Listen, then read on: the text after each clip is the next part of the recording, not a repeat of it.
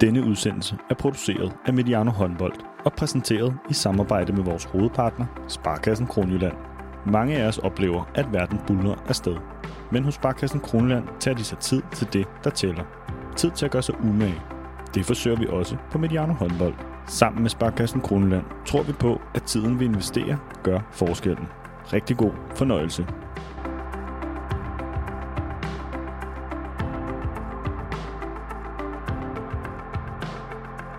Velkommen til Mediano håndbold.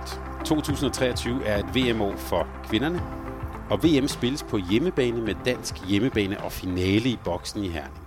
Forberedelserne er i gang. Tirsdag aften spillede de danske håndboldkvinder landskamp i Royal Arena i København. Den kamp og begivenhed bruger vi som afsæt for en special om det danske kvindelandshold. En slags midtvejsevaluering, før det i efteråret for alvor går løs for det danske kvindelandshold.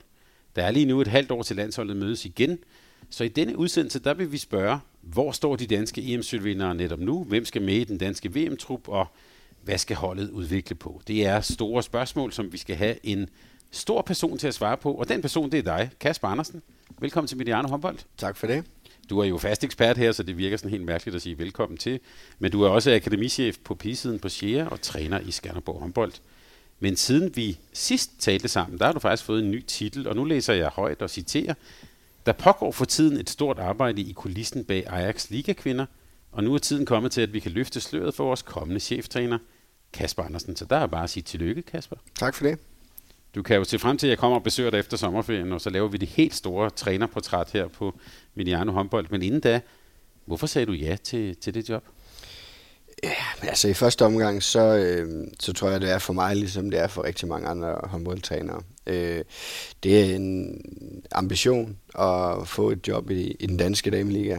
Øh, så, så på den måde var det meget, meget nemt øh, og helt simpelt at, at sige ja til.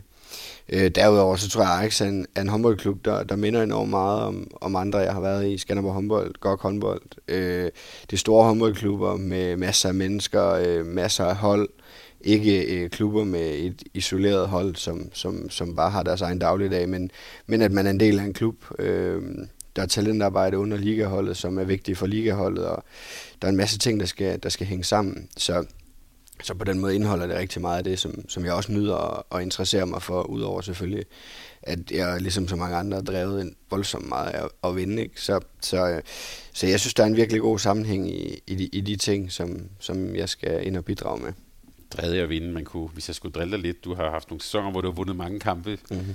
Jeg tror ikke, jeg fornærmer dig ved at sige, det kommer du nok ikke helt til at fortsætte med, men det kan vi jo tage, når vi tager det store trænerportræt. Men det der øh, øh, citat der, et stort arbejde i kulissen, hvad er det egentlig for en opgave, du har sagt ja til? Jamen, det er en stor opgave. Øh, forstået på den måde, at, at Ajax øh, er øh, en klub og også er et ligahold, hvor der vil være en, en, en jævnlig, sådan helt naturlig udskiftning. Øh, der, der skal gerne, og det vil vi rigtig gerne have, øh, at prøve at skabe en balance mellem at, at have rutinerede ligaspillere, som, som godt ved, hvad det handler om, og, øh, og så også have unge spillere, som, som vi kan hjælpe med at flytte, som kan komme ind og øh, være nogen, der skal lære, øh, og som kan slutte hos os som profiler forhåbentlig. Øh, og så ved vi også godt, at, at så skal de videre. Øh, der er masser af eksempler af spillere, der, der har været nogle år i Ajax, nogle øh, flere år end andre, men mange eksempler på spillere, som, som er opfostret og, og har lært at spille seniorhåndbold og ligahåndbold i Ajax, som, som nu er på større adresser, og, øh, og det skal vi egentlig bare prøve at, for, prøve at fortsætte. Øh, det vil vi gerne være en del af, samtidig med, at, at vi selvfølgelig også gerne vil, øh, vil sørge for, at vi altid står med et produkt, der, der kan klare sig i ligaen. Og sidst vi talte sammen, der var vi omkring øh, legender som Amalia Stabinski, der rystede du lidt på hovedet. Det var, det var før din tid. Nu skal du jo så til Ajax, hvor ja, jeg har sagt, historien driver ned ad væggene. Øh, helt bogstaveligt talt, når man kommer ind ad døren, er der navne og legender osv. Så jeg vil spørge, har du fået læst op på, hvem ham Svend Aage Madsen egentlig er, hvad han er for en fyr? Ja, men altså efter jeg, jeg fik uh, materialet her til, til podcasten i dag fra dig, så har jeg selvfølgelig lige måtte, måtte ind og, og google lidt, øh, og kan forstå, at, at det er en mand, der, der var med sådan en helt spæde start af, af Ajax og, og håndbold øh, i den klub, øh, og som sidenhen har spillet en, en masse landskampe og, og lavet en masse mål. Så, øh, så jeg fornemmer, at, øh, at det er et forholdsvis stort navn øh, på de kanter en, øh, en af håndboldens pionerer. Det er også bare for at sige, at det er jo et, et særligt sted, du skal hen, så øh, det glæder vi os til at følge. Men i dag skal det altså handle om det kvindelige danske landshold, og alt det kan lade sig gøre på grund af vores og også landsholdets tætte samarbejde med Sparkassen Kroneland. I det her VM-år, der kan vi godt love lytterne en del spændende ting hen over året og sammen med Sparkassen Kroneland. Og en tid med stigende renter og stigende priser øh, i mange budget, ja, der kan Sparkassen Kroneland også for dig være den partner, der giver sikkerhed i en hektisk hverdag. Prisen på el går op og ned. Prisen på varme er rekordhøj, mælk er dyrere, og alting stiger og stiger. Men hvad betyder det egentlig for min økonomi? I Sparkassen Kronjylland hjælper vi dig med at få det økonomiske overblik, så du kan være tryg i hverdagen. Find os på sparkron.dk eller i en af vores afdelinger. Vi er tættere på, end du tror.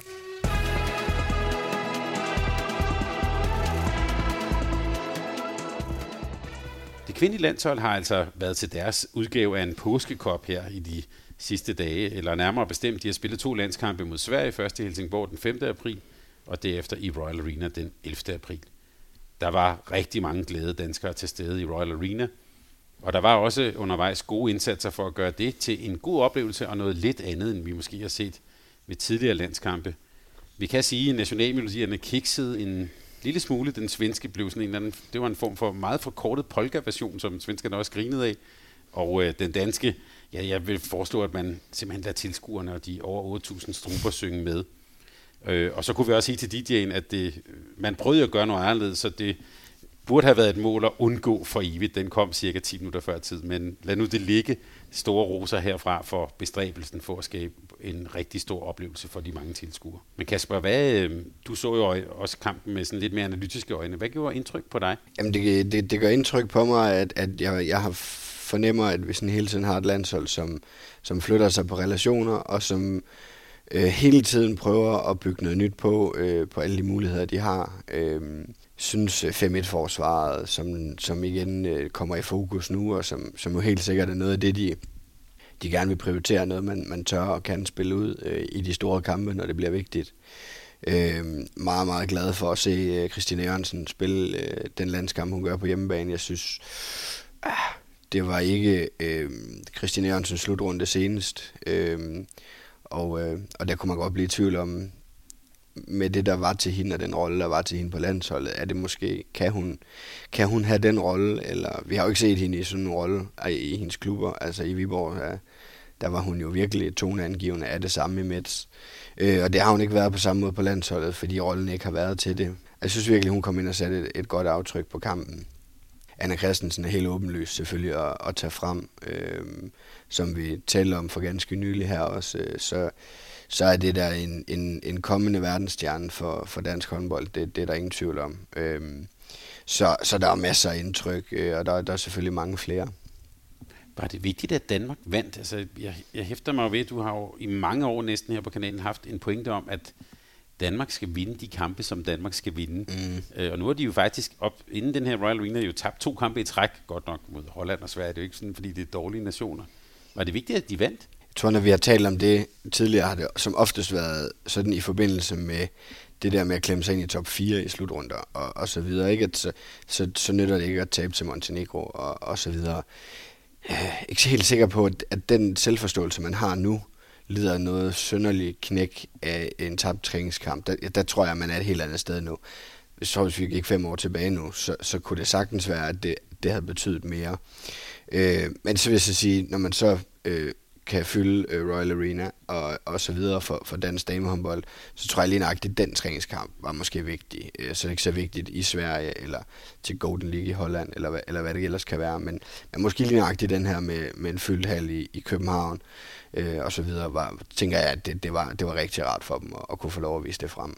Der er altid noget med træningskampe. Altså, jeg vil så sige, sådan som jeg så og oplevede Danmark og Sverige, det var ikke lige, altså, det var ikke sådan en kærlighedskamp. Jeg synes, det, det, det er to hold, der måske gerne vil slå hinanden. Jamen, det må aldrig blive, det må aldrig have noget med kærlighed at gøre, når det er med Norge og Sverige. Det tænker jeg ikke. Det, det, det bliver nødt til altid at være sådan der. Så en vis intensitet var der. Hvordan, nu vil lige ved det, hvordan, hvordan så du egentlig Sverige? Hvordan så de ud? Ja, altså, som, som jeg synes, vi oplever Sverige, meget, meget solide, øh, dygtige til det, de kan. Øh, prøver at slå sig på en meget, meget stærk defensiv. Øh, måske et, at kontrafasen øh, hang lidt mere, end, end den plejer at gøre. Øh, men der er også det, altså, i de her træningskampe, de spiller dem jo ikke på samme måde, som hvis vi ser Danmark, øh, Sverige spille en kvartfinale til VM nu her. Det, der, der er jo en anden måde at gribe kampen an på. Danmark var heller ikke gået frem i 5-1-forsvar efter 18 minutter, når Sverige ikke kunne lave mål på hjemmebane. Men gjorde det alligevel og lukkede Sverige helt ind i kampen igen, ikke? Og lukkede skrækkelig masse mål ind den sidste del af første halvleg. Så der er altid sådan nogle ting, man lige skal huske at tage med, øh, når man sidder og vurderer holdene på de her træningskampe, det er jo, at de selvfølgelig ikke spiller 60 minutter øh, udelukkende for at vinde. Det gør de, men inden for nogle måske andre parametre, end, end de ville gøre, hvis det var en slutrunde kamp. Der var jo den meget, synes jeg, interessant svensk kæde med Nina Kopang, Tyrak Sneer og så Jenny Karlsson. Nina Kopang startede det første skud, det skød hun 4 meter over mål, og så var hun med i, i fire målgivende aktioner direkte efter. Altså, det synes jeg så meget spændende ud. Jeg tror ikke, de får at vide, at de skal holde igen, de svenske bagspillere. Altså, Torleif Stortier, hun startede også med at være 0 på 3, og så skød hun for 13 meter bagefter og scorede, ikke? Der var spillet 6 minutter. Så, så de holder ikke igen, de er ikke bange. Jeg synes, det er et fedt hold at se i spil, Sverige. Det var faktisk en af, en af glæderne ved at se sådan en kamp live, kan jeg sige. Det var, at jeg holdt bevidst øje med, da hun havde brændt, og det var ikke nogen gode skud, hun havde, Torleif Stortier så løb hun ud, og så tænkte jeg, nu, nu skal jeg lige holde øje med, hvad Axel Nielsen Og det var helt tydeligt, han sagde, du skal bare fortsætte. Ja. Øh, og så næste gang, så smadrer hun den op ja. i hjørnet. Ja, ja. så det var sådan meget god coaching. Hvis vi lige så lige kigger over på den, på den anden bænk, synes jeg også, det er værd at nævne, at øh, ja, Jesper Jensen har jo forlænget sin aftale som dansk landstræner. Øh, han har indtil videre haft ansvaret for, for, for landsholdet i tre slutrunder, og så i forbindelse med Golden League, der blev det officielt, at han havde forlænget sin kontrakt med DHF. Han tager et år mere med dobbeltjobbet i, i Team Esbjerg frem til sommeren 2024, og derefter er han så landstræner på fuld tid frem til sommeren 2026, og en del af den pakke var også, at Christina Rosling og Lars Jørgensen øh, fortsætter, øh, ligesom Brun også som, som målmandstræner, både for kvinderne og herrerne. Kasper, dine sådan, tanker om den beslutning, og øh, det at Jesper Jensen stadigvæk står i, for, i spidsen for det, det danske landshold? Ja, yeah, altså, det, det er jo vel en no-brainer for, for DHF, tænker jeg. Altså, det, det, har, øh, det har ikke set øh, så godt ud øh, for det danske damelandshold i rigtig, rigtig mange år. Øhm, og det er der selvfølgelig flere grunde til, men en af de helt centrale årsager til, at det ser sådan ud, det, det er ingen tvivl om, at det er Jesper Jensen. Øhm, jeg har talt om det før, men meget af det her materiale, som, som de arbejder med nu, det arbejdede den, den foregående landstræner også med, og der, der må vi, der, der kan vi godt konstatere, at det så absolut ikke ud, som det gør nu. Øh, så, så det er en af de helt centrale årsager til den succes, det danske damelandshold har nu, det, det er Jesper Jensen, det, det er der ingen tvivl om. Så, så på den måde er det, er det helt oplagt, og jeg tror, det havde, jeg tror virkelig, det havde, havde skabt noget usikkerhed, hvis, hvis ikke det var blevet til en forlængelse. Så er det jo spændende det her, han har virkelig brugt meget krudt på at snakke om, at han godt kunne gerne ville dobbeltjob og fik ekstremt meget ud af det. Har vel egentlig også nogle gange sådan givet udtryk for, at han ikke er sikker på, at han ville være lige så dygtig en landstræner, hvis ikke han også var klubtræner. Men altså, det, det er han jo snart ikke længere. Så, så lad os håbe, vi må næsten håbe, at han selv tog fejl. Øh, fordi vi skulle ikke gerne have en, en, en mindre dygtig landstræner. Øh, spændende, hvor længe han er landstræner, hvis, hvis han ikke trives i, at han ikke øh, de fleste dage skal, skal på gulvet og træne osv. Men, men det vil vise sig. Hvad vil du foreslå ham? Skal han have nogle, jeg ved ikke hvad det er, U15-piger i Esbjerg eller sådan noget? Ja, ja altså jeg ved ikke, jeg tror det er meget forskelligt, hvad, hvad, hvad årsagerne er til, at, at det betyder så meget for en at være på gulvet i det daglige, men det er jo ikke sikkert, at U15-pigerne i Team Esbjerg, de sådan kan, kan udfylde det tomrum, som Team Esbjergs ligadamer og Champions League håndbold hver, hver uge eller hver anden uge, det, det giver. Øhm, så så, så det, det er jo et, et spørgsmål om, hvad, hvad det egentlig er, at han kommer til at mangle i forhold til det. Ikke? Hvis, hvis det er fagligheden øh, og håndbolden på det niveau, så, så er der jo ikke nogen løsning på det. Men altså, som sagt, det ledelsesmæssige fundament er nu øh, helt på plads øh, for de danske håndboldkvinder. Inden kampen i Royal Arena mod Sverige, der holdt øh, DHF's formand Morten Stig Christensen en tale til håndboldkvinderne, og øh, sørgede også for, at de fik en behørig hyldest for de seneste slutrunder. I talen der brugte Morten Stig billedet med en trappe, altså det her med, at udviklingen har heddet nummer 4, nummer 3, nummer 2, og så sagde han, ja, jeg skal jo ikke jinxe det og for hele halen, ikke? Altså, jeg tænker, altså det der med trappen, og vi har, det er jo helt oplagt at tale om det. Bliver det et tema op til VM? Altså er det noget, som lige præcis det her hold også skal arbejde med? Om det bliver et tema for holdet? Ja. Det bliver i hvert fald et tema fra Ja, det bliver et tema for medierne, det er der altså absolut ingen tvivl om. Jeg tror ikke, det bliver et tema for holdet. Altså, jeg, jeg tror, at det, der bliver temaet for holdet, det er, at de skal ind og gøre det, de har gjort tre år i streg nu. Øhm, det kunne lige så vel være blevet til guld, øh, som det kunne være blevet til sølv sidste år. Øh, og, og så kan du godt snakke om trapper og, og det ene og det andet, men, men faktum er jo, at det skal gøre præcis det, det gjorde sidste år. Og så er det marginaler. Øh, de sidste 10 minutter af en VM-finale, der afgør det. Så, så, så det håber jeg ikke, at de skal sidde og, og bruge tid på. Jeg håber, at de skal bruge tid på at fokusere på alt det, de har gjort øh, i lang tid nu, fordi det er nok, øh, og det skal nok vise sig. Om det så er i år, eller om det er om et år, det ved jeg ikke. Men, men det skal nok vise sig, at det er nok det de, det, de har gang i nu, til at den guldmedalje, den kommer på et eller andet tidspunkt. Så er der jo ikke nogen tvivl om, at, at det vil nok ikke gøre noget, når nu, øh, når nu det løber af stablen, der hvor det løber af stablen. Men, men jeg, jeg tror bare, de skal koncentrere sig om at gøre det, de har gang altså fortsætte det, de har gang i. Men så lad mig lægge noget brætten på, mm. og du smider noget benzin ovenpå på det bål, øh, der er et halvt år til, de skal mødes igen, så det kan jeg godt tillade mig. Da herrene spillede VM i 19, altså det var også boksen, det var hjemmebanen, det var, det var lidt det der, nu skal det være, agtigt over det. Og de har jo selv talt om bagefter, altså herreholdet, at, at de både kunne føle den der øh, enorme opbakning, men det er også lidt lå i luften, at hvis det skulle være, så skulle det være nu. Nu har de så vundet det tre gange i træk, men mm. er, er der et element af, at hvis det skal være, så skal det også være nu?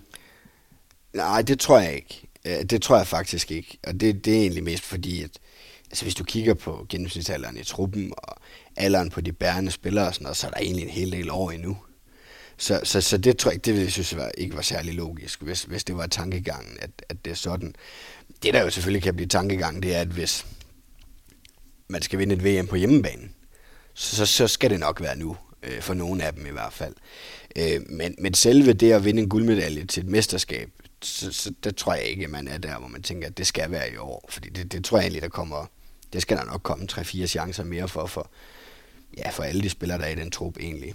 Øhm, men, men, men det er selvfølgelig det der element med, at det er på hjemmebane. Øh, det, det ved man jo ikke, hvornår det bliver det igen. Så, så, så lige nøjagtigt den del kan selvfølgelig, øh, kan selvfølgelig blive et tema. Fordi øh, altså, jeg tænker, at øh, det er bare vil, også en af bagtankerne ved at have den der Royal Arena-ting, det der med at prøve at spille i en stor arena og med, med, med, med stort tryk. Man kan også bare sige tryk, som jo vil dem alt det bedste. Men ja. man så jo også, altså jeg, jeg kunne ikke lade være at tænke på, der gik jo, hvad gik der, fem og en halv minut før Danmark scorede. Det så sådan lidt, øh, det så sgu sådan lidt trykket ud i starten, og øh, Jesper Bensen sagde også bagefter, at han havde et par fløjspillere, der lavede nogle overtråd, som de normalt ikke ville gøre. Altså, at, at øh, det bliver jo nok en faktor, hvad for noget, de skal arbejde med. Ja, ja, og jeg tror, altså, de, de havde jo åbenlyst også selv talt om det, men det der med, at, at dansk damehåndbold nu kunne fylde Royal Arena, så er det klart, at så vil man også helst gå ud og undgå at tabe med ni mål til Sverige, fordi så fiser det lidt ud, og kommer de så igen alle sammen. Så på den måde var der selvfølgelig noget i, at, at men at det bliver jo ikke hverdag, men det bliver jo, altså det, kan jo, det bliver jo ikke ved med at være første gang, der kommer så mange mennesker og ser dem på hjemmebane. Så, så det skal de nu nok nå at, at falde til ro i, tænker jeg. Hvis vi nu lige ser sådan, hvis jeg nu tegner med en, en stor bred pensel så, øh, og, og, og frem mod VM, altså hvis vi tænker Norge, Frankrig, Holland, måske også, øh, måske også Sverige, altså sådan i det helt store billede, hvor står det danske hold, og hvad er det, der skal lægges til, havde han sagt? Altså, noget af det, der jo i den grad har manglet, og som de vel efterhånden nu er begyndt at have lagt til, det er jo netop erfaringen i at stå i semifinalerne, stå i finalen, stå i bronzekampe, øh, stå i, i den sidste weekend i mesterskaber, og stadigvæk have det, der skal til, for, øh, for at have en realistisk chance for at vinde guld. Det manglede jo, øh, og det, det gør det jo ikke længere nu. Altså det, det har de prøvet nogle gange i streg nu, og det startede meget, meget skuffende mod, mod Kroatien i en bronzekamp, ikke? Og, og er, er jo stødt blevet bedre og bedre, og selvfølgelig er resultaterne blevet det, men, men også måden, man håndterer det på, er blevet bedre. Og det, det, det er der ingen tvivl om, det er meget, meget afgørende. Også noget af det, der har gjort, at, at Norge har haft det run, de har, det, det er, at jo flere gange du står der, jo bedre bliver du til at håndtere det. Øhm, og det, det må vi sige, det, det er der ikke nogen, der, der rører Norge i, lige nu i, i forhold til den erfaring. Men, men jeg tror, at Danmark er ved at have den erfaring nu, der skal til for, øhm, for at kunne matche det. På, på, på selve det håndboldmæssige, der må jeg sige, øh, der, der er Danmark, synes jeg, tættere på Norge og Frankrig nu. Eller også er det der bare sammen med dem. Altså, øh, jeg synes, altså, kigger på det danske hold, Line Havsted tilbage nu her i forhold til den, den trup, der spillede senest. Øh, Anna Christensen, altså, det bliver godt nok svært øh, ikke at skulle have hende med. Hun ligner en, der, der på samme niveau som Sandra Toft kan afgøre håndboldkampe. Øh, så begynder der virkelig at være nogle, øh, nogle spillere, som, som i den grad kan, kan være med til at afgøre det. Hvis vi lige tager Norge, altså Danmark slog dem i en slutrunde sidst, øh, og hvis vi lige ser bort fra, hvad blev vi enige om, kan jeg huske, var det 10 minutter? Ja, øh, ja, ja. 10 skandaløse minutter. 10 skandaløse, eller ulykkelige minutter. ja. Men så slog Danmark den faktisk igen i Golden League. Altså, det virker lidt som om, ja, det er måske lidt stort, at en forbindelse er, er, er brudt, men at, altså, man skal jo vinde over dem for at kunne vinde over dem. Mm. Ser du også den der relation Danmark-Norge, som ikke måske forandret, men at, der er, at det er noget andet? Jo, men det, altså, jeg tror egentlig overhovedet ikke, det er forkert at sige, at den er forandret. Fordi, fordi for, for, for et par år siden, der, der var det jo tæt på tænkeligt, at Danmark skulle slå øh, Norge i en kamp, hvor der var medaljer på spil. Og det er det så absolut ikke længere. Øh, det er det ikke. Ja, der, der er bare det med Norge, at de har hende i rejstedet. Og apropos de der 10 minutter der, så er det så også lige med, med Henny Rejstad. Øhm, men Danmark har øh, på andre positioner, blandt andet på mål, øh, spillere, som er, er på det niveau, Henny Rejstad er øh, med bolden. Det, det er de øh, uden bolden. Så, så øh, altså, forskellene på de to hold, sådan niveaumæssigt, er, er meget, meget lille nu. Øh, det er den. Og hvis vi tænker frem til OL, eller måske lige frem også lidt videre end OL, der er jo også en, en gylden norsk generation. Altså, ser du øh, sådan over de næste kommende år, at øh, altså kan, jeg kan også spørge på en anden måde, kan Norge bibeholde den der position, de har haft? Ej, de kan bibeholde en position som top 4 hold i, i, i europæisk damehåndbold. Det er jeg helt sikker på. Ej, de bibeholder absolut ikke øh, sådan positionen som uslåelige. Øh, det, det tror jeg ikke, de gør. Altså, de vil opleve øh, nedgang på niveauet. Det er der ingen tvivl om. Altså, de spillere, der kommer ind nu, øh, er dygtige håndboldspillere, som gør det godt i den norske liga, men også spillere, som nærmer sig midt 20'erne, uden at være kommet ud af den norske liga endnu. Øhm, og det er selvfølgelig, fordi de helt store øh, klubber ikke har stået og banket på døren, for så var de smuttet. Og det er jo også et udtryk for, at det er ikke Nordmørk og Henny Rejstad og Camilla Herm og så videre længere. Det er dygtige håndboldspillere, men, men lige nøjagtigt det der sådan helt overlegne verdensklasse-niveau, det, det, det bliver nok noget, Henny Rejstad skal, mm. skal løfte. Det gør hun så ganske glimrende, men, men sådan på bredden og massen af spillere, øh, som, som ligger deroppe, hvor Henny Rejstad ligger nu, der, der, vil de, der vil de ikke kunne holde fast. Ja, det er jo den der generation. Hvad er de? 90, 91, ikke? Nordmørk? Øh... 91, tror jeg. Ja, det er 91, ja. Det, ja, ja. Øh, en ganske særlig, særlig årgang. Vi har så tabt, nu nævnte jeg, at vi har slået Norge to gange, vi har så tabt to gange i træk til Holland. Ja. Men til gengæld så har Holland haft svært ved at vise stabilitet hen over en hel øh, ja. slutrunde. Øh, altså, jeg synes, øh, øh, altså Per Johansson er jo sådan, er jo ikke fra Balkan, men er jo... Altså, det er Balkan i Jødeborg. Ja, det er det. øhm, og nogle gange, når vi har talt om Balkan-nationerne tidligere, så er det jo det der med, at de på dagen så kan de slå alle, og de spiller fuldstændig vildt, og energien er helt sindssyg. Og så to dage efter, så er de helt brændt ud. Og det synes jeg altså er, er, er også er lidt af det udtryk, Holland kommer med nogle gange. Så kan de blive ræst over Norge til, til, til et eller andet Nations League, Golden League. Og så øh, dagen efter, så, så slår de Danmark. Så de kan sagtens være svære og hårde på dagen. Jeg, jeg tror ikke, jeg tror, de får svært ved at vinde medaljer. Ja, vi skal vi lige være korrekt. Han er fra kropskultur, som vist nok er lidt nord for, for Holland. Og jeg har interviewet ham her, der fortalte han om, hvordan han så jugoslaverne i 80'erne. Det har åbenbart været sådan livsændrende. Ja. Så lad os bare sige, det er altid sjovt at se dem spille. Ja, absolut. og endelig så nævnte jeg lige, øh, nævnte jeg lige Frankrig, at jeg forstå på Jesper Jensen, at de tager en måneds træningslejr nu her, og selvfølgelig også jo tænker frem til OL. Øhm, dem kan vi vel også bare sige, det er også et hold, man skal forbi, hvis man skal stå helt øverst. Ja, og det tror jeg faktisk, jeg synes i højere grad end Norge, bliver der bare ved med at komme spillere frem øh, på det franske damelandshold, som, som kan nogle helt vilde ting, og som har nogle helt sindssyge spidskompetencer. Øhm, så, øh, så, så de, skal nok, øh, de skal nok holde fast i, og også at være, være en top 4 nation de næste mange år. Godt, men du ser som sagt Danmark ikke som øh, nogen, der banker på, men som nogen, der har banket døren ind i ja. virkeligheden. Men det danske spil, så hvis vi lige kigger på det, øh, du nævnte det faktisk også lidt, altså da vi så det her corona-slutrunde i boksen, der var det jo øh, to eller tre åbninger. Jesper Jensen lavede sådan nogle regler om, de ingen indspil til stregen, og altså jeg kan huske, de kørte 60 rundgang. Ja. det var meget. Det var ligesom en variant, og så har han jo så faktisk stille og roligt bygget nogle ting på, og du nævnte også, at vi har set sådan 5-1-forsvar og sådan noget.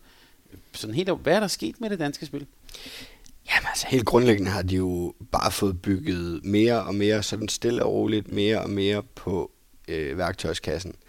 Øhm, fra, som du siger der, et meget, meget, meget stringent angrebsspil, øh, som selvfølgelig bare var til for øh, at minimere antallet af tekniske fejl, så man kunne komme hjem og stå, øh, til nu at, at løbe meget mere kontra, satse meget mere på den del, selvfølgelig også fordi man, man har fået bygget en, en enormt stærk defensiv op. Øhm, og, og selvfølgelig øh, på det stationære angrebsspil fået bygget meget mere på. Øhm, og som jeg sagde til at starte med, altså en ting er jo alle de der øh, angrebsåbninger og ting og sager, man kan lave. En helt anden ting er jo relationerne mellem spillerne.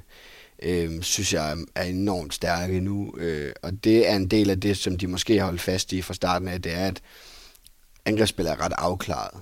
Altså øh, det, det her, det den type, de skal det her den type, de skal det her. Når vi spiller det her, så skal du det, du skal det.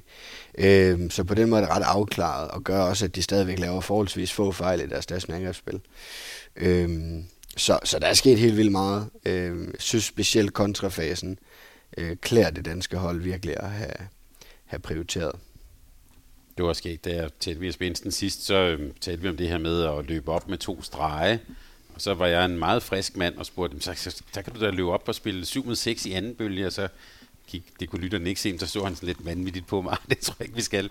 Men i går var der faktisk en, jeg tror ikke, det var med vilje, men der var faktisk en situation, hvor, de, hvor det lignede sådan en 7 mod 6. Der var også det, der var også to øh, streger, der førte bolden op. Ja. Det var, jeg sad bag ved målet, men Erik Eversen var meget fri. Men, øh, men, men, men den del af, af spillet er kommet med. Lad os lige tale lidt om det der 5-1-forsvar. Øh, altså, jeg har i mine noter skrevet blandet resultat. Jeg tror, det er mere korrekt at sige, øh, Sverige, det var lidt, værsgo, nu kan I løbe igennem. Jeg synes, blandet resultat, det er pænt. ja, hvad mangler det? Altså, er det, er det, er det et spørgsmål om tid, ja. simpelthen? Det mangler gentagelser. Mm. Øh, det, det er der ingen tvivl om. Øh, og det har formentlig også manglet netop det, de fik mod Sverige, men manglet at spille mod nogen, som, hvor man ikke altid lige ved. Så til, når de står og træner det til træning, så ved de formentlig 9 ud af 10 gange, hvad det er, de skal dække op, hvad er det for nogle spil, der kommer. Øhm, og der kan der jo komme nogle, nogle momenter i, i, i, en, i en kamp mod Sverige, hvor man ikke lige ved, hvad er det, de spiller.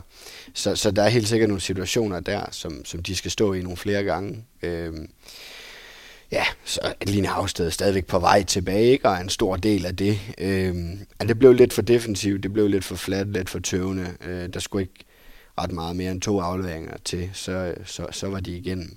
Men, øh, men jeg vil gætte på, at, at de fik øh, noget af det, de gerne ville have, og det var noget, øh, noget de kunne evaluere på på, på bagkant af kampen.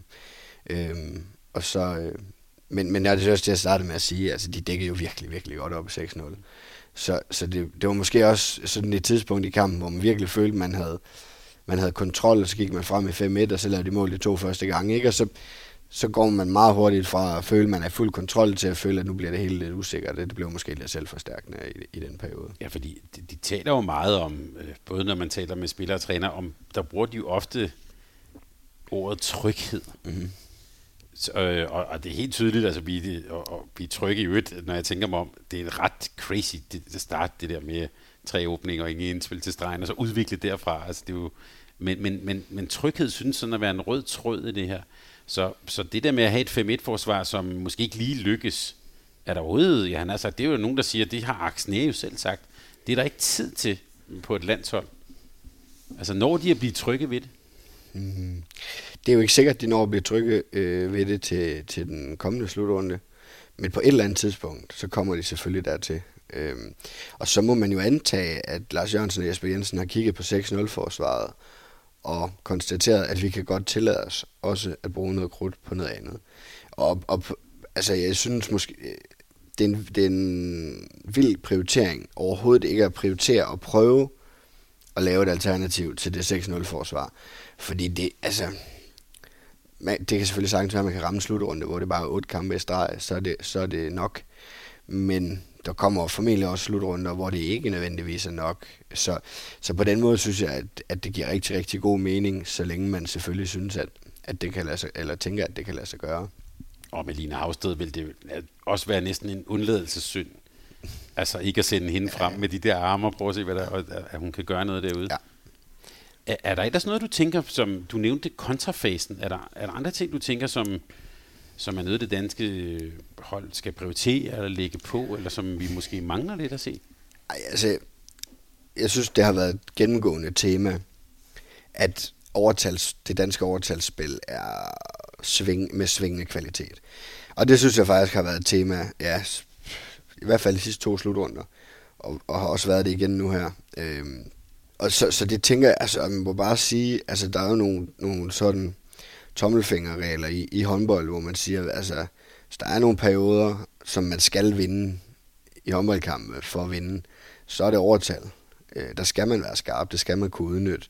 Og der synes jeg, øh, der synes jeg, det har været for, øh, for shaky i, i perioder og i kampe.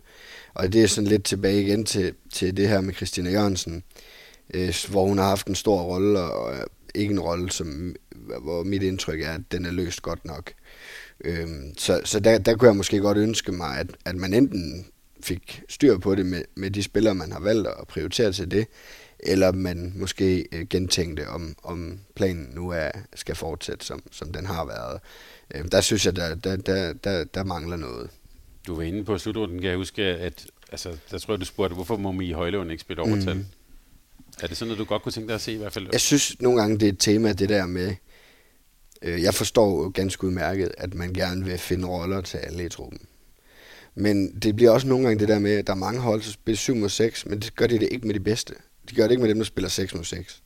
Fordi så er der en rolle til de andre. Så, hvis vi nu er meget farligere på vores 6 mod 5 eller vores 7 mod 6, også med Mie Højlund, ligesom vi er 6 mod 6, så skal hun jo også spille det.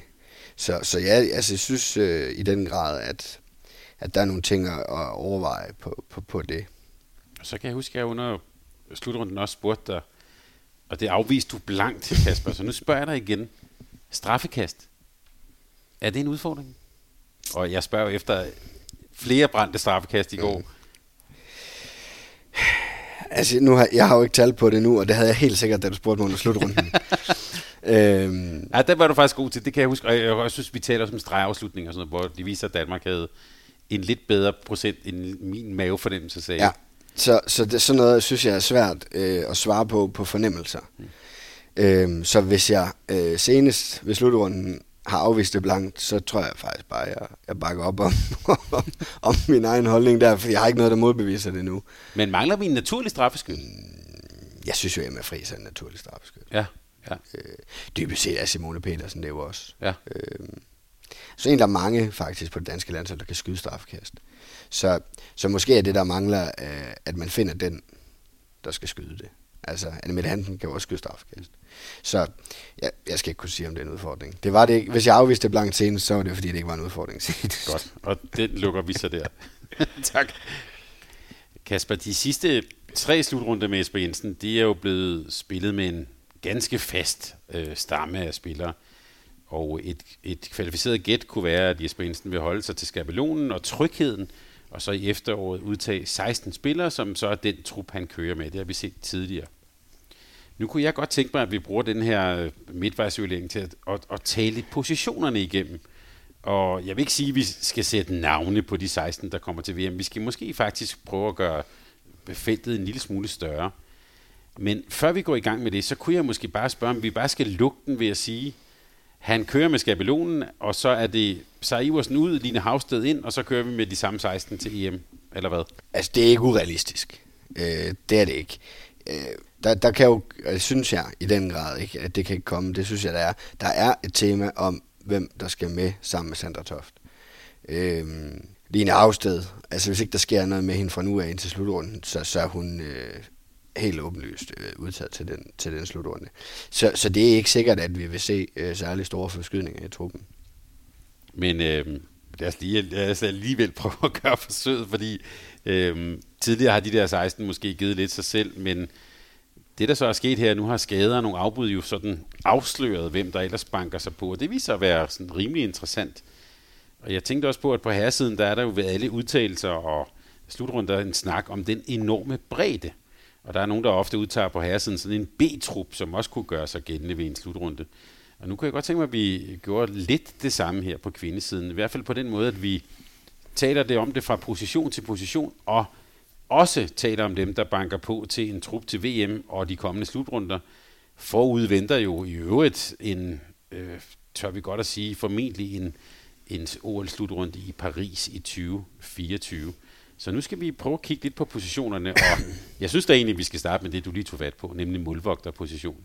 Sandra Toft for Gjør, øh, Altea Reinhardt uden til håndbold, og nu er Anna Christensen med, og så kan vi så sige faktisk også, øh, ved vi at trænet med her, Amalie Milling, altså må så være, sige og så være i, i en fjerde position. Men vi taler også allerede om det, da vi var sammen sidst, altså øh, kampen om at være tre målmænd, der skal blive to. Hvad taler egentlig for? Hvorfor skulle han ikke tage tre målmænd med? Mm, jeg tror først og fremmest, så er det der tre målmænd, der er så dygtige. Så jeg er ikke sikker på, at den, der skal være nummer tre, øh, vil passe super godt ind i den rolle. Mm. Øh, hvis det skulle være, skulle det selvfølgelig være Anna Christensen, på grund af alder og manglende slutrunde erfaring. Øh, men jeg tror ikke, det giver nogen mening. Øh, jeg tror ikke, man vinder noget på at tage tre med. Øh, på den måde er de for gode øh, til, at, at det er nødvendigt. Men hvad skal af, for den helt, skåret helt ned til benet? Altså, vi, jeg hører dig sige, og det vil jeg også... Øh, øh, Anna Christensen er vel fuldt ud på linje med de to andre, stort set, hvad, hvad vi har set. Ja, jamen, det er hun. Altså, det, det der, det er øh, helt vildt trio at have på den position. Altså, der, der er ikke nogen nationer i europæisk damehåndbold, der nærmer sig det niveau, der er på de, den trio, der er på, på det danske landshold. Men hvad skal så afgøre det? Er det altså præstationer i efteråret? Øh?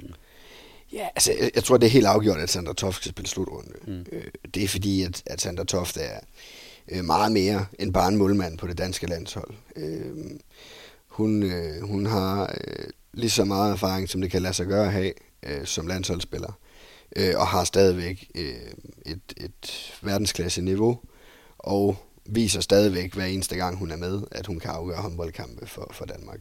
Så Sandra Toft er udtaget, men hun bliver skadet. Altså, det, det er der ingen tvivl om så, så vil det jo afgøres øh, af, hvordan de står øh, for deres respektive klubber, Altea og, og Anna.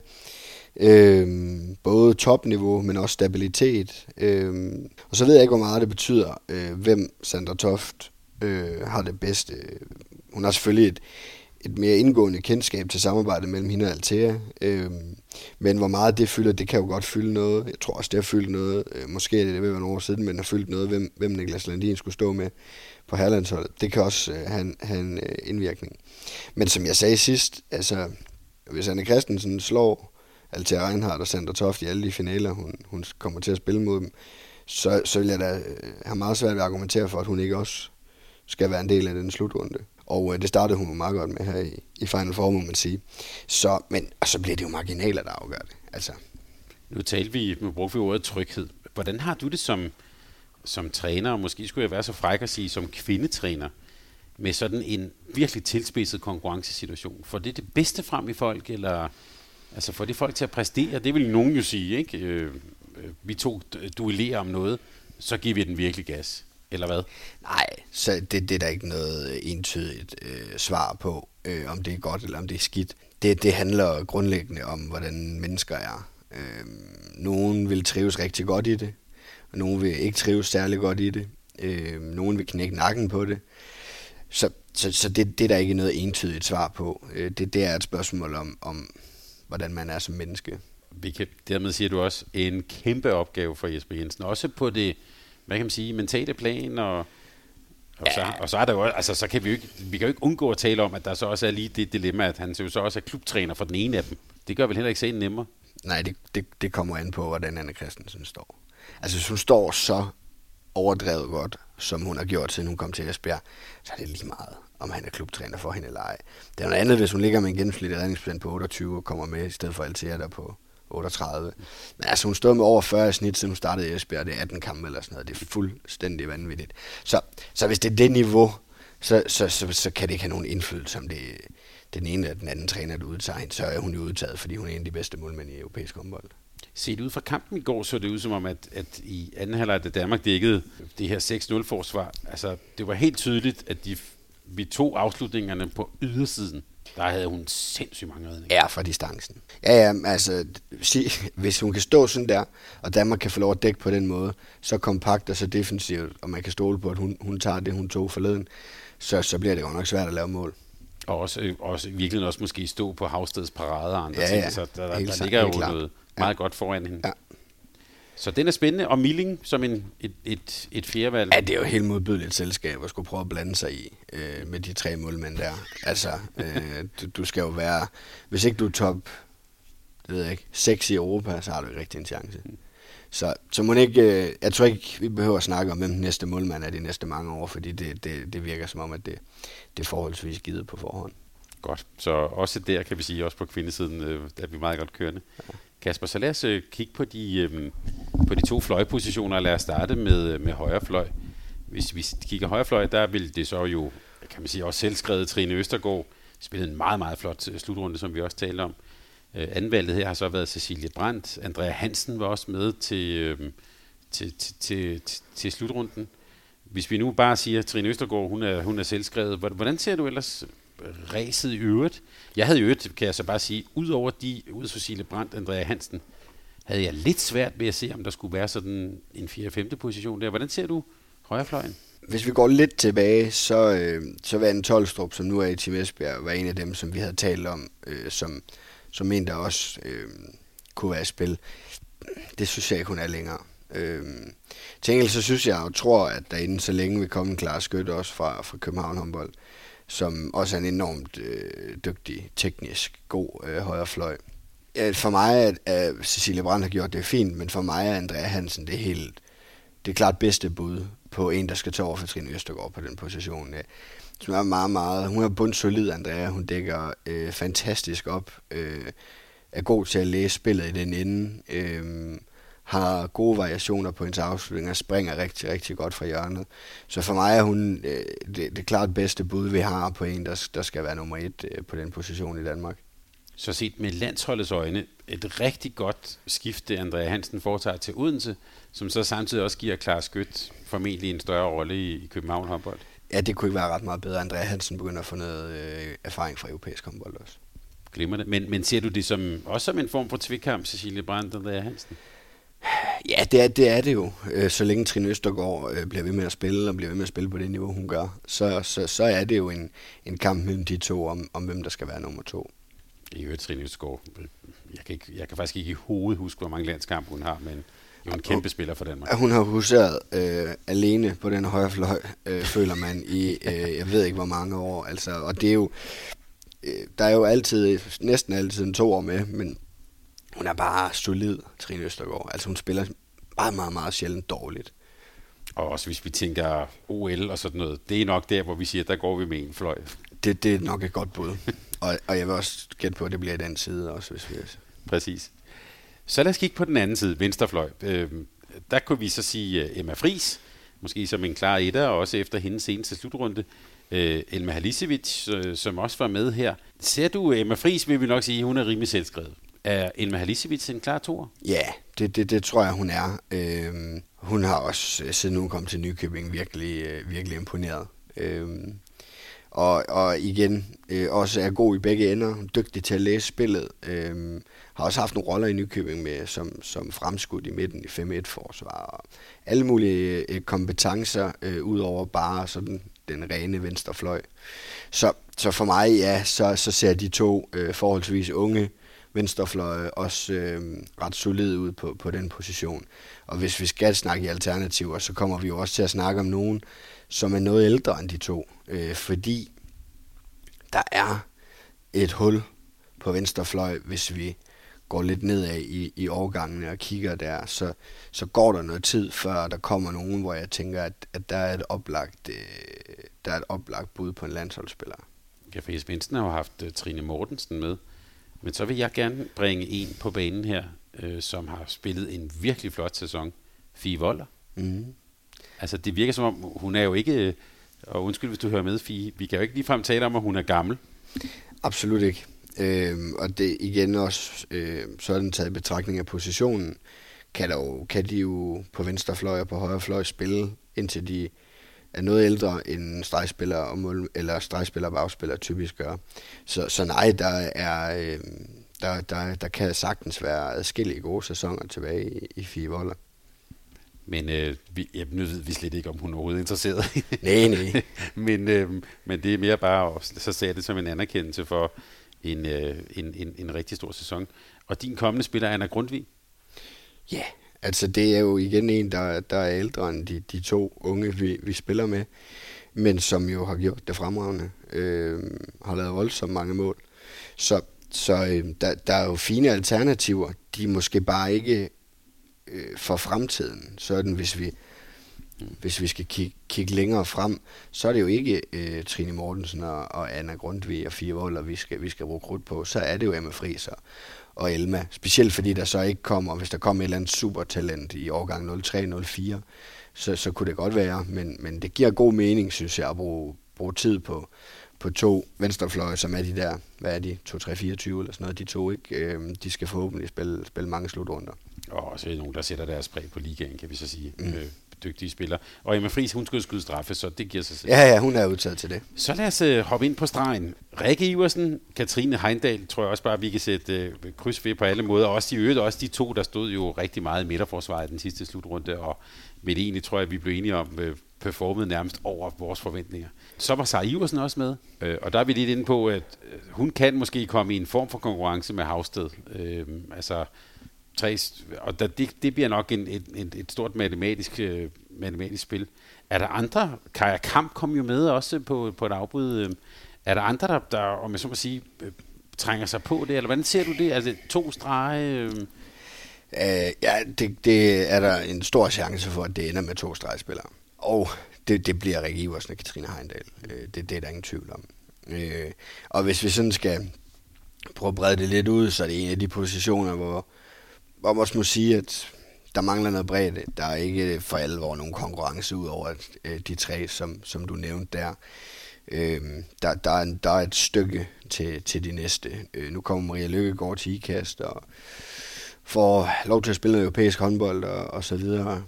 Godt nok skal hun slås lidt med Sayu og sådan hvem der skal spille minutterne, men det, må, det vil jo vise sig, hvem af dem, der vinder den.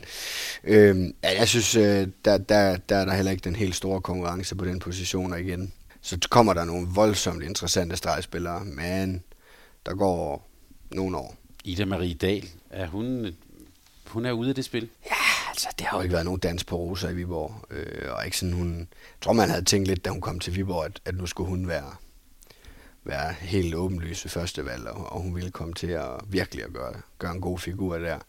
Og det må vi sige, det, det er ikke helt sådan, det er endt. Øh, og blandt andet derfor, at, er kommet noget længere væk øh, fra, fra, fra at være i spil til, til landsholdet. Så måske kan vi sige, en spiller, der skal lidt måske genopfinde lidt sig selv. Øh. Ja, som man siger lige nu, øh, de to primære stregspillere er jo nogen, som fylder og kan dække træer, og, og hvis det er det, man skal have, øh, så vil jeg sige, så, så skal man virkelig også lede længe efter de to næste. Øh, så ja, der er lang vej. Nu talte vi om målmandspositionen meget stærk. Er stregspillerpositionen faktisk også med de to et sted, hvor vi, der står vi rigtig stærkt? Ja, men i højere grad også fordi der ikke er nogen, der sådan for alvor er der til at udfordre dem. De, de, de er absolut på, på, på et højt niveau, de to, men der er heller ikke rigtig nogen til sådan for alvor at udfordre dem. Så mangler vi bagkæden. Og øh, hvis vi lige kigger på, på venstre bak, Anne Mette Hansen, jeg har sagt kryds ved hende. Ja, det må vi, øh, det må vi antage. Men så, så riddle me this, svar mig lige på det her. Hvorfor, hvorfor skyder med Anne Mette Hansen? Jeg sad sådan og tænkte over det derude i, i arenaen.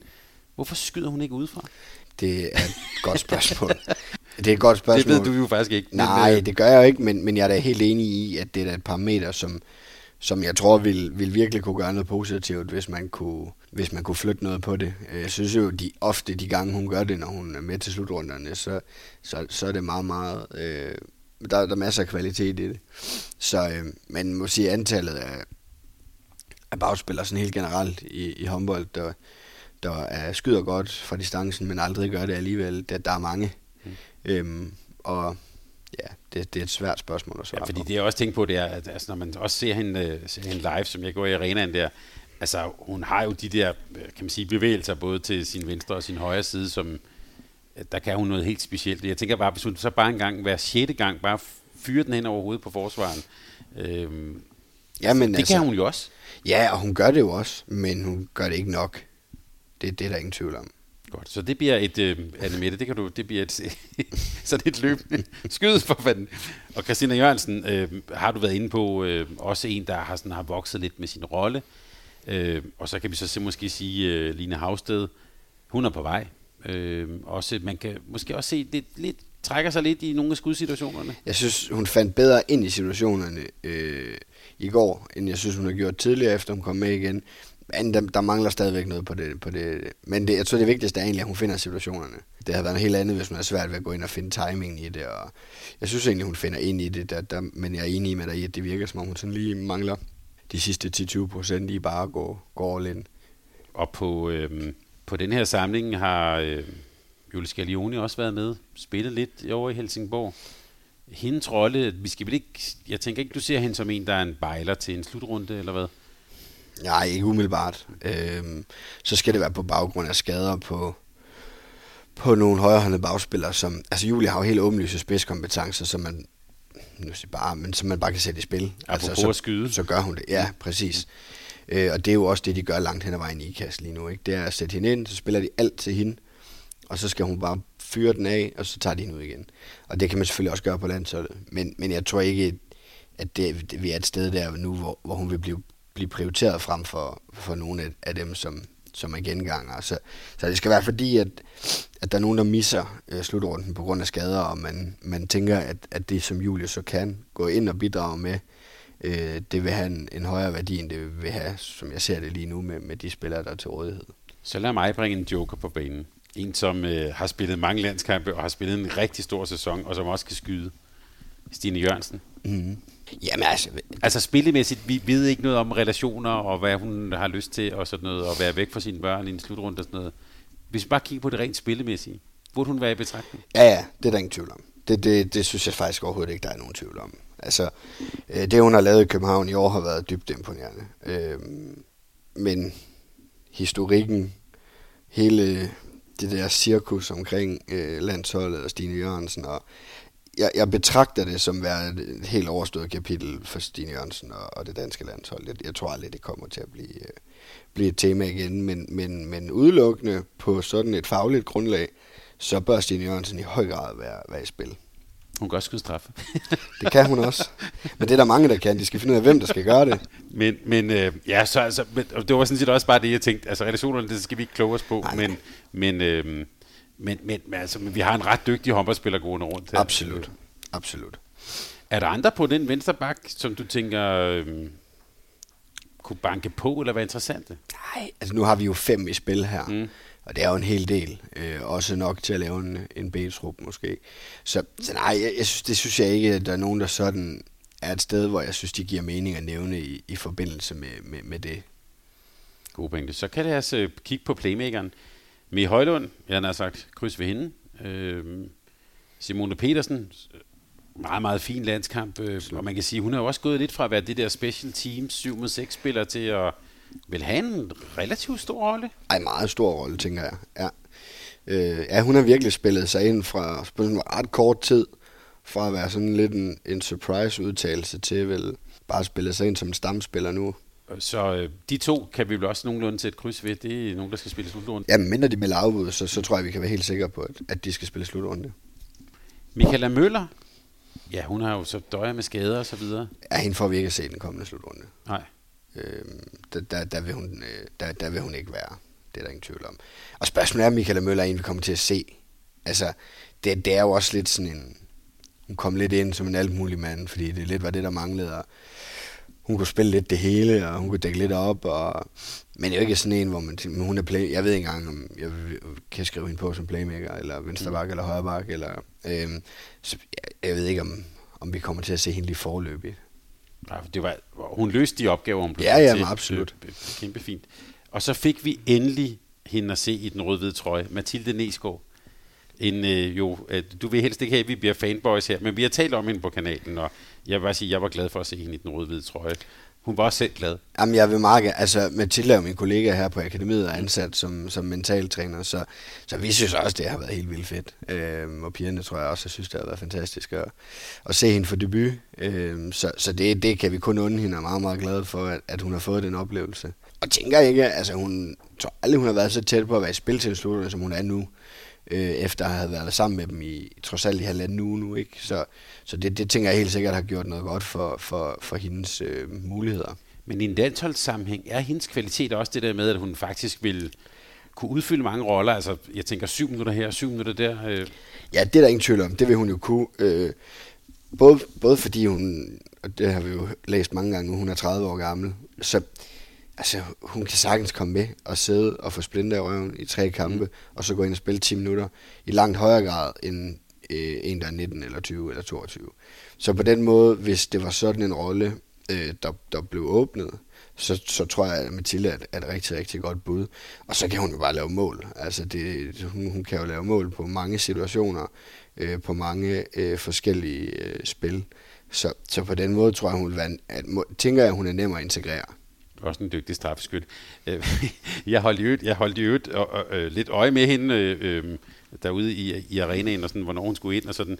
Altså, det jeg mærke til, øh, i, i, i pausen, der er lige, øh, eller i halvlejen er der sådan, øh, øh, lige sådan lidt opvarmning, og så mange af dem, to og to, kører sådan lidt krog, hvor de lige rammer hinanden.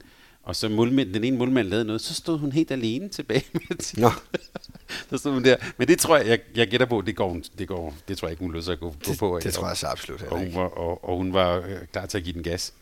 Et sidste navn, jeg vi også lige skal bringe op her, når vi er på den del af banen. Helene Elver. Ja, nu spiller hun jo igen. Mm. Hvordan ser du hende? Øh, langt fra landsholdet, mm. desværre. Øh, det ser ud som om, at, øh, at der, der skal flyttes på rigtig mange ting, før hun er der, hvor, øh, hvor vi så hende, øh, da hun blev, øh, blev skadet med landsholdet. Øh, har du set hende spille øh, perioder i Champions League og i ligaen og så videre for hende, så hun er ikke, øh, hun er ikke der, hvor hun var, da hun blev skadet meget langt fra, synes jeg. Så, øh, så vi krydser fingre for, at vi får hende ja, det vil være...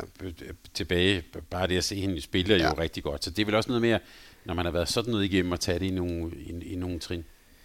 Ja, det, det, det er det helt sikkert. Nu, nu kender jeg hende jo øh, sådan ret godt, og, øh, og, og ved også, at, at, øh, at hun har masser af, af årsager og ambitioner med øh, den der meget, meget lange kamp øh, for at komme tilbage, og en af dem er altså absolut landsholdet. Øh, så øh, krydser alt, hvad der findes øh, at krydse. Øh, og så skal man nok også bare acceptere, at med hendes spillestil, øh, den måde hun spiller håndbold på, så tager det lang tid at komme tilbage dertil, fordi hun er voldsomt afhængig af timing og fornemmelse for spillet, og når man er ude så lang tid, så er det klart, så øh, jo længere tid man er ude, jo længere tid kan der gå, før man sådan finder den, den balance igen. Jeg synes alligevel, at man får uden til at have set, så lad os bare sige glemt. Altså det der, når hun kommer glidende forbi, det ja. er jo få, der gør det som hende. Mangler meget på sit direkte spil selv endnu, mm. i forhold til, hvor hun, øh, hvor hun var. Godt, men noget at holde øje med så mangler vi bare en position, og jeg tænker måske, det er det sted, hvor der, der er nærmest der mindst at snakke om, højre bak. Det, det er jo lidt vildt, at, og det gør vi selvfølgelig ikke, men, men Mirai burde jo også ja. øh, være en del af samtalen omkring de playmaker, ikke? Øhm, men jo også meget, meget trist, er meget langt væk fra det lige nu, selvom hun jo i den grad også var en indgroet del af, af den her trup, og, og det her hold også havde været der, hvis ikke hun, hun blev ved med at være så skadet, ikke? Så, så hun burde jo burde jo også have stået på den her liste. Ja, apropos det der corona-slutrunde i, i boksen, der var hun jo en afgørende spiller for Danmark. Absolut. Altså også, også for den måde, som Svendsen gerne ville spille på ja. og så videre. Øhm, ja, det er bare at sige, uh, send de bedste hilsner. Det jeg lige var i gang med at, at, at lægge op til, det var måske den position, hvor det, der er mindst at tale om, nemlig højre bak. Eller hvad? Louise Burgård, Mette Tranborg. Men så har en, en, der også var udtaget, var nemlig Helene Kindberg også noget skadeshistorik, kan vi roligt sige. Men der er vel ikke så meget andet at sige. Det Burgård og Trandborg er blevet sådan en due på den, på den plads. Ja, altså, igen, inden Kindberg blev skadet, der, der var hun virkelig, virkelig godt spillende. Øhm, specielt på det angrebsmæssige, synes jeg, der, der var nogle ting, hvor man, hvor man tænkte, at det der, det, det, det kunne man virkelig godt bruge på, på et dansk A-landshold. Men, men, øh, men hun er jo selvfølgelig også et stykke derfra nu. Og så er det bare to højrebacks, som både har et højt niveau, øh, og som også har bunkevis af erfaring, selvom de ikke er ret gamle. Øh, Burgård er lidt ældre end Tranborg godt nok, men, men stadigvæk i en alder, hvor jeg tror, der er masser af håndbold tilbage i Burgård, og der i den grad er masser og mange år endnu i, i Tramborg. Så, øh, så ja, det, det, det, vil også, det, det bliver en svær, øh, det bliver en, en, en svær position at spille sig ind på. Ved du, om der er nogen af dem, der kan spille fløj? Altså jeg tænker sådan OL-sammenhæng, altså hvis man skal... Hvem vil være bedst at smide det ud? Ikke med det Tranborg, tror jeg ikke. du tænker på DM-afslutningen, eller hvad? Præcis. Nej, ej, det var også lidt hårdt. Nej, det, det ved jeg faktisk ikke, men, men man, man tænker jo, at, at Burgård måske kunne være et fint bud på, på en, der godt kunne gøre det. Nu er jeg også ude i noget spekulation. Ja. Men, men Kasper, bare lige for at, at, at sammenfatte det her, altså en række navne, som måske giver lidt sig selv, men så alligevel nogle positioner, hvor vi, hvor vi godt i det næste halve år kommer til at se noget, og, og, og, og, og nogle spillere, vi skal lægge mærke til, i hvert fald i, det, i, i, i den periode. Ja, og så, og så måske i virkeligheden mest af alt øh, på en del af positionerne er dækket tilpas godt ind til, at igen, det snakkede vi også om, da Havsted blev skadet og ikke skulle med. Altså, hvor godt stod man rustet til at leve uden en profil under en slutrunde, og det, det må vi sige, det, det løftede de virkelig, virkelig flot. Så, øhm, så det her sammenfatter vel egentlig også bare, at, at der er en bredde i dansk damehåndbold lige nu, hvor vi ikke skal være så bekymrede, selvom der bliver en, en, en enkelt eller to skadet. Altså, det har der jo været gjort hver gang. Så var det øh, Havsted, ikke? så har det været Elver, så har det været... Ja, så, så jeg synes egentlig bare, det, det sådan sammenfatter, at, at der, det, det ser rigtig, rigtig fornuftigt ud. Det var også det, jeg hørte dig sige egentlig, også på nogle af positionerne, også med, med det, der kan være på Og så vil jeg sige, så tror måske, der er et lille hul, men så, så kommer der... Øh, så kommer der masser af spændende spillere også øh, til, til fremtiden. Godt. Så der siger du, vi skal holde øje med sommerens slutrunde også, er det? Det skal I altid. Ja. Det er altid øh, underholdende, og det er lidt noget andet, men øh, det, det, det er højt niveau den ene dag, eller højt niveau i kvarter, og øh, masser af fejl i 10 minutter, men det er altid, øh, det er altid ret underholdende, og så Danmark er altid gode og er med langt. Og jeg, jeg tror godt, jeg ved, hvad det er for en stregspiller, du vil have, vi skal holde øje med. Det gør vi. Vi nævner ikke navne her, før, før, de er blevet, før de er blevet voksne, men uh, yes, der er to, jeg, med, jeg ved, hvad du mener. Det glæder vi os til at følge med i. Her til, her til sidst, så, øhm, så lad os bare lige sådan delvist forlade det med landsholdet, og så, øhm, så vil jeg bare lige have, at vi, at vi kort lige vinder øh, Odense og Esbjerg. Der var jo den her pokalfinal for i Silkeborg, som blev spillet færdigt i weekenden op til påske. Man kunne sige i semifinalen klare og markante sejre til Odense og Esbjerg. Og så må vi også sige en markant sejr til Esbjerg i finalen. I øvrigt efter, synes jeg, en, en meget intens og seværdig første halvleg. Kaspersen, hvad blev vi klogere på i den weekend? Ja, det, det var altså det var, det, det var en speciel weekend. Øh, fuldstændig øh, altså to semifinaler, hvor øh, det ene hold blev kørt midt over øh, i begge kampe. Altså jeg har sjældent set øh, en kamp mellem to top 4 hold i den danske liga i en semifinal, hvor forskellen var så stor. Altså, da der står 17-7 til Esbjerg, der, det, faktisk, altså det, det var virkelig voldsomt. Øh, hvad der selvfølgelig er endnu mere voldsomt, er så, at Esbjerg gentager det, det Øh, dagen efter mod Odense, og, og i anden halvleg også bare smadrer dem fuldstændig. Øhm, så det var voldsomt. Ja, jeg, jeg tror, at første omgang, så blev vi jo så meget klogere, at vi må sige, at Esbjerg øh, viste sig øh, endnu stærkere, end vi måske havde troet, de var. Øhm, og, øh, og i den grad er jeg spil til at vinde alt, hvad de, hvad de stiller op i lige nu. Øh, det, ser, det ser godt nok stærkt ud, og må bare sige igen, vi har nævnt hende mange gange, men Anna Christensen var lige nøjagtigt det, Esbjerg manglede. Øh, så, så, så det var voldsomt. Øh, så var der også en bronzekamp, som, øh, som Silkeborg Vål vandt. Så altså, der var ikke et forventet resultat øh, af de fire den weekend. Øh, og det kan, jo, det kan jo både være godt og skidt det ville være lidt sjovere, hvis, hvis ikke det var fordi, at kampene øh, 3 ud af 4 var blevet afgjort med, med plus 10 mål. Øh, men øh, jeg er i øh, 30 minutter i første halvleg i, i finalen. Øh, meget, meget, meget, meget seværdig håndbold, og på, på et meget højt niveau, så kunne jeg eller Odense desværre ikke følge med i anden halvleg. Ja, fordi der, der er også nogle række ord, der, der melder sig. Altså for eksempel ordet Esbjergs fysik har vi talt meget om. Der vil også være sådan noget, der vil sige, øh, Nå, men når det virkelig gælder, så har Esbjerg et ekstra gear, eller sådan nogle, alle de her mm. klichéer, vi, vi har fat i. Men det er jo også svært at se den her, ikke at se den her kamp som, som et forvarsel om, hvad der venter. Øh, det er det. Jeg synes, det var en magtdemonstration øh, hele weekenden i Esbjerg.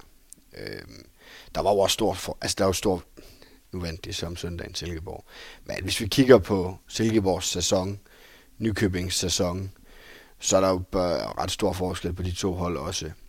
Så, så, så det, at Esbjerg jo også bare skiller Nykøbing fuldstændig om lørdagen, og så skiller Odense om søndagen, det, det, er, det er i den grad et statement. Øh, det, det, det er ingen tvivl om. Øh, men så er sport og, og håndbold jo så også bare sådan, at det kan se helt anderledes ud om en måned. Øh, ingen tvivl om, at hvis Esbjerg fortsætter nu, holder fast i truppen, og der ikke sker noget, og så bliver det meget, meget svært. Øh, og så er det sådan set lige meget, om det er Odense, eller Gjør, eller Bukarest, eller hvem det er, så bliver det svært for dem alle sammen, tror jeg. Godt. Det, øh, man kan bare sige, det kan vi simpelthen bare glæde os til. Lad mig sige sådan her, hvis finalerne bliver som den første halvleg, så, øh, så, så kan vi sige, det bliver det er noget af det højeste niveau, der nogensinde har været spillet kvindehåndbold i Danmark. Det, øh, det vil vi glæde os til. Ja. Øh, og de behøver ikke at vinde med 17 Nej, nej, nej, det gør de ikke. Det gør de ikke. Men det tror jeg nu heller ikke, de kommer til. Øh, og måske nogle gange er det jo sådan, at så er det noget uden til at lære af, og så kommer de igen. Det kan vi i hvert fald håbe på. Men øh, du har jo som sagt Tim Esbjerg som mesterskabsfavorit, og vi får se dem, når de skal møde øh, mit elskede IKAS, så får vi se, hvad der så sker. Kasper, tak fordi du vil være med her. Selv tak. Øh, og øh, du har i hvert fald øh, på alle måder lagt op til, at det her det bliver et spændende år. Øh, både med ligaen, men i den grad også med det danske landshold. Ja. Det ser vi frem til. Tak til Sparkassen Kronland. Der er bare at sige, vi glæder os til et enormt spændende efterår med de danske kvinder. Tak fordi du lyttede med. Tak fordi du lyttede til en podcast fra Mediano Håndbold. Hvis du kunne lide udsendelsen, så husk at abonnere på Mediano Håndbold, der hvor du hører din podcast. Så får du den seneste udsendelse serveret direkte til dig. Du må gerne fortælle dine venner om os, og husk at følge os på Facebook, Twitter og Instagram. Mediano håndbold kan lade sig gøre på grund af Sparkassen Kronjylland. De er med Mediano håndbold og det kvindelige danske landshold. Tak fordi du lyttede med.